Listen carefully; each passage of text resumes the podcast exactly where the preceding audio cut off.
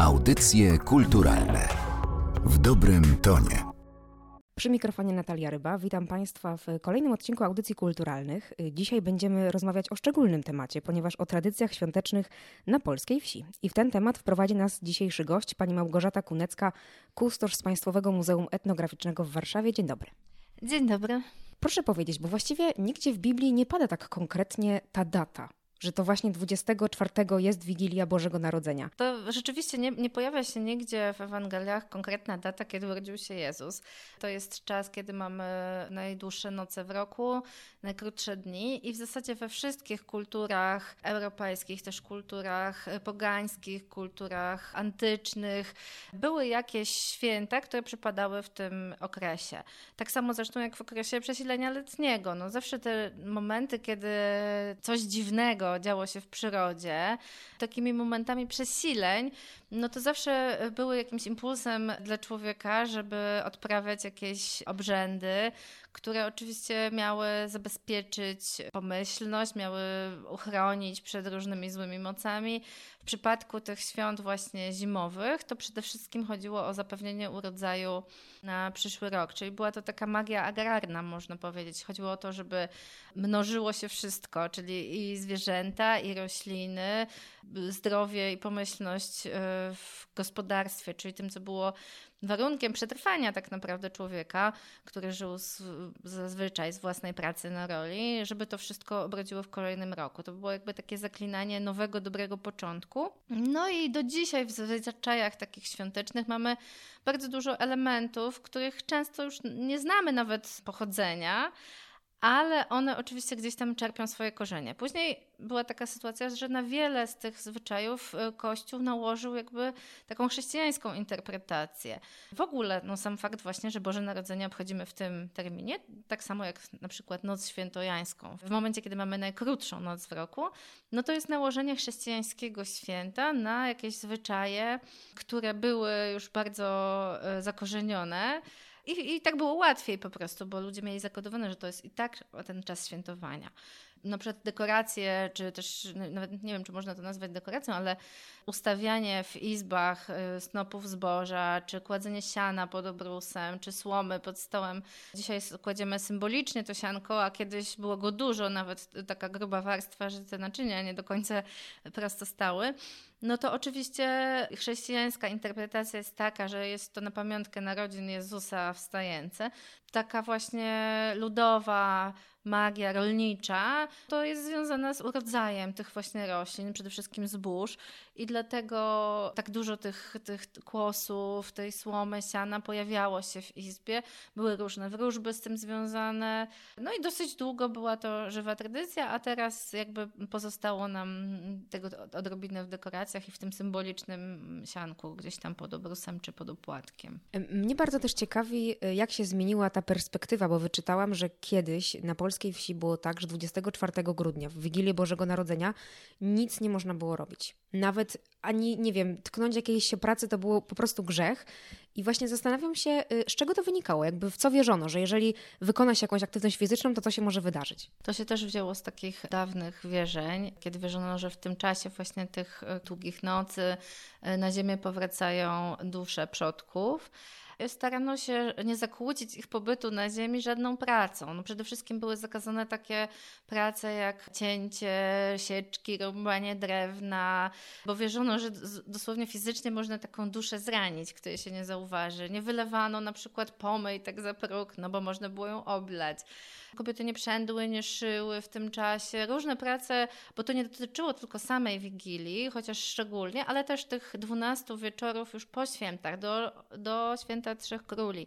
To były tak zwane święte wieczory, Boże wieczory, w zależności od regionu różne to miało nazwy, ale generalnie te 12 wieczorów spędzano raczej na kolędowaniu, na jakichś odwiedzinach, odpoczywano po prostu.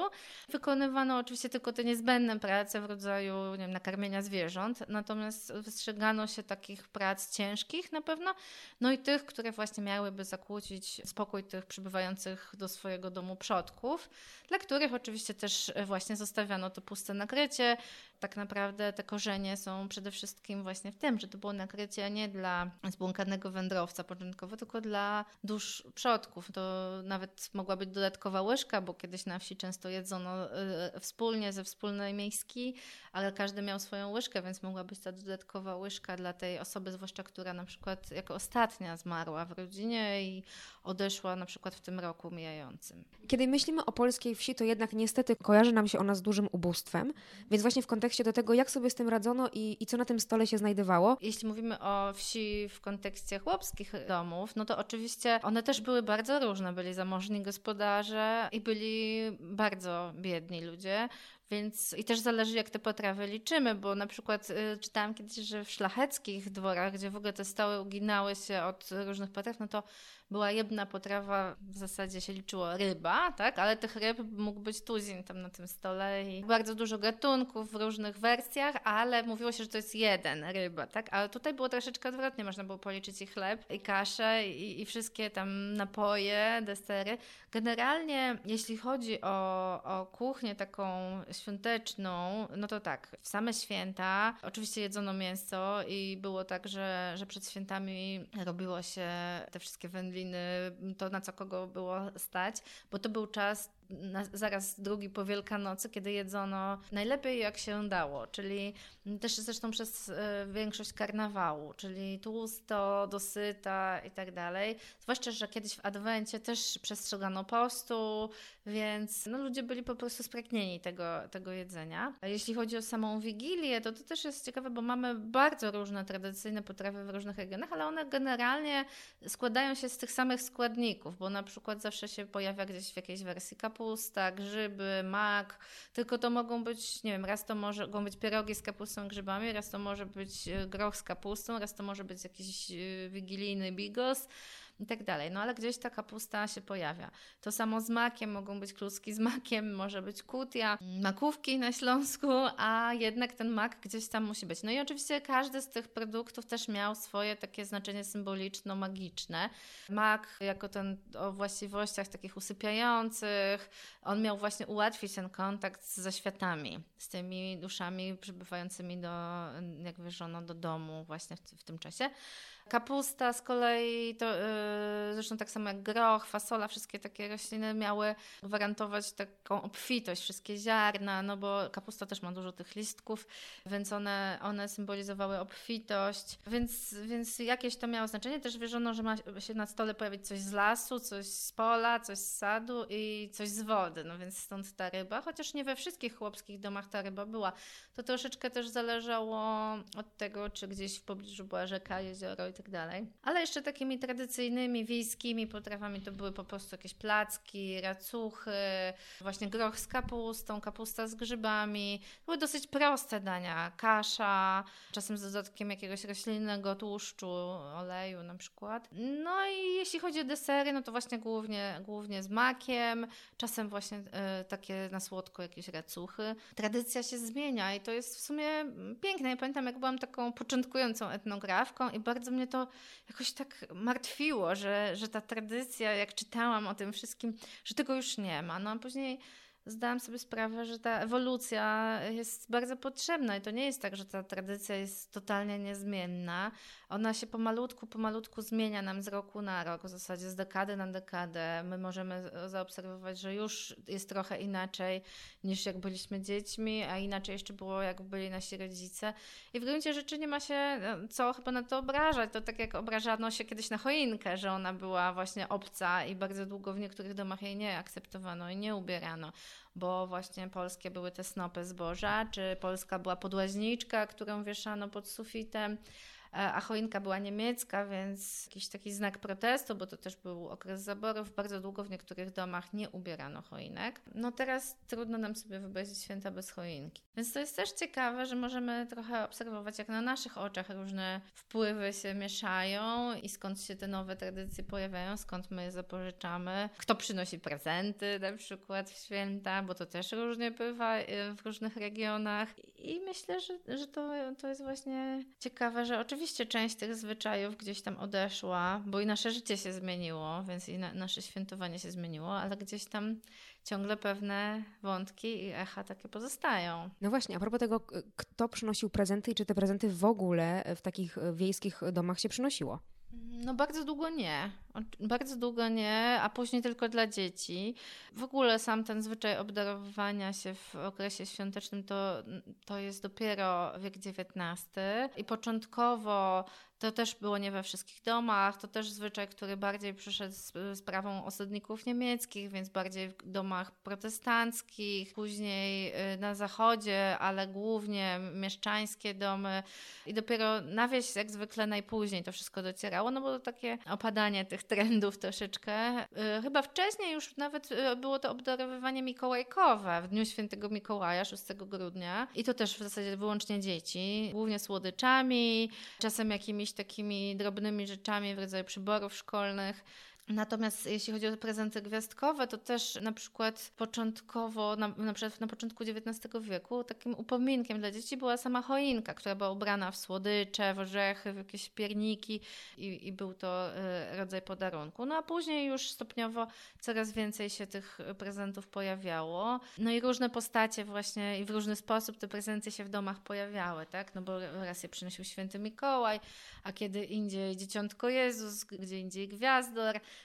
Także wiele, wiele postaci się tutaj podejrzewa o to przynoszenie prezentów. Bo teraz jest trochę tak współcześnie, że te święta polegają na tym przede wszystkim, że oczywiście spędzamy czas w kościele, oglądamy często Kevina samego w domu, jeździmy do rodziny, której dawno nie widzieliśmy, a kiedyś przez to, że był mniejszy dostęp do tak zwanej mobilności, ludzie oczywiście szli na pasterkę, często wiele kilometrów. Mój dziadek najbardziej wspominał święta Bożego Narodzenia przez to, że musiał iść w jedną stronę 15 kilometrów do kościoła i wszyscy szli razem i rozmawiali, a dziadek pochodził ze wsi właśnie.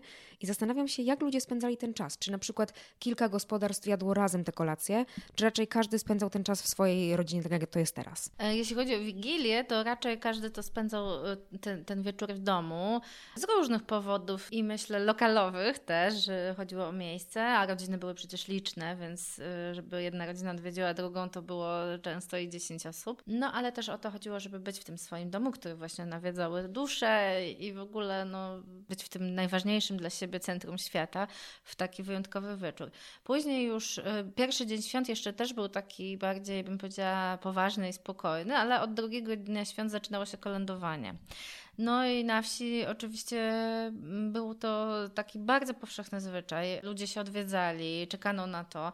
Już długo przed świętami wymyślano kostiumy, teksty tych jasełek i przedstawień. One zawsze były w jakiś sposób śmieszne, miały nawiązywać do współczesności. Tam oprócz tego, że pojawiały się wątki biblijne, no to zawsze się pojawiały, to rodzaj takiego kabaretu, takiej szopki, którą my też znamy trochę współcześnie z telewizji, że pojawiało się coś jak szopka noworoczna, no to właśnie ma to swoje korzenie w tej ludowej szopce, która była rodzajem takiej rozrywki, takiego ludowego właśnie teatru. On był, albo mógł być kukiełkowy i wtedy przenosiło się taką drewnianą przeważnie szopkę, chociaż w Krakowie na przykład, i tutaj mamy już miasto, tak, słynne szopki krakowskie wzięły się właśnie z tego, że na rynku czy na ulicach miasta właśnie w tych szopkach wystawiano takie jasełka kukiełkowe. E, no ale często to była przenośna szopka, od domu do domu się ją niosło. Oczywiście to się przyciągało bardzo długo, bo był poczęstunek, była wspólna zabawa i trwało to później przez wiele, wiele wieczorów. No a drugi rodzaj teatru to był teatr taki już aktorski, gdzie kolędnicy przebierali się w różne stroje, to też były częściowo takie postacie biblijne, jak nie wiem, Herod, śmierć, tam trzej królowie, e, ale były też postacie zwierzęce, które znowu tutaj mają swoje korzenie w tej agrarnej takiej magii i obrzędowości, czyli Turoń przede wszystkim. Mm, bardzo długo było tak, że to tylko młodzi mężczyźni byli tymi kolędnikami i, i te pochody kolędnicze miały bardzo istotny ten wymiar towarzyski i taki też nie wiem, za, zalotny, że często kojarzono w ogóle się w pary, bo w karnawale znowuż był czas na wesela. I w zasadzie przez cały karnawał od Bożego Narodzenia najpierw były te pochody kolędników, później grup zapustnych i, i na dobrą sprawę było wiele okazji i szukano tych okazji do tych odwiedzin, do zabawy, do takiego życia towarzyskiego. Czy jeszcze poza tym, o czym Pani powiedziała, przychodzą Pani na myśl jakieś tradycje, które nie przetrwały tej próby czasu? Taka jedna tradycja mi dzisiaj właśnie przyszła do głowy, kiedy myślałam o naszej rozmowie. Czytałam o tym, że kiedyś w drugi dzień świąt, to w dniu świętego Szczepana, obrzucano się owsem. I to też taki no, typowo wiejski zwyczaj, bo choćby trzeba było mieć to ziarno owsa, tylko że ten owiec y, zabierano go do kościoła, najpierw był święcony, a później obrzucało się księdza celebrującego nabożeństwo tym owsem. No i tutaj znalazłam takie dwie interpretacje. Jedna to, że to jest na pamiątkę ukamienowania świętego Szczepana, ale druga, że to jest właśnie na pomyślność. Y, I myślę, że to znowuż jest tak, y, związane z tym, z tym rodzajem, z tym zbożem właśnie. E, no i mamy jakieś takie echa tego na przykład w obrzucaniu młodej pary ryżem, bo to też jest takie rzucanie ziarnem w sumie.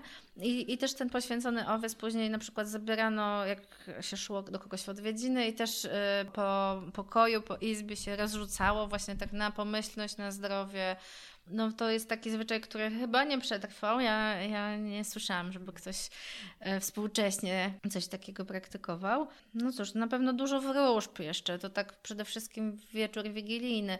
Dużo wróżb takich właśnie z jednej strony związanych z tym urodzajem, bo tam sprawdzano, która roślina na przykład będzie obrodzi w przyszłym roku i tu na przykład taka wróżba była z opłatkiem, że się podkładało po kawałku opłatka pod każdą miskę z potrawą. No jeśli się opłatek przykleił do miski, po wieczerzy się sprawdzało, to na przykład kapusta miała obrodzić, albo tam, nie wiem, mak miał obrodzić.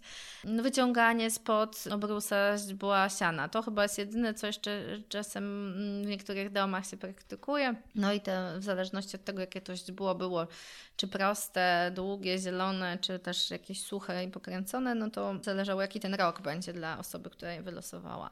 Gościem audycji kulturalnych była pani Małgorzata Kunecka z Państwowego Muzeum Etnograficznego w Warszawie. Bardzo pani dziękuję za rozmowę. Również dziękuję. Audycje kulturalne w dobrym tonie.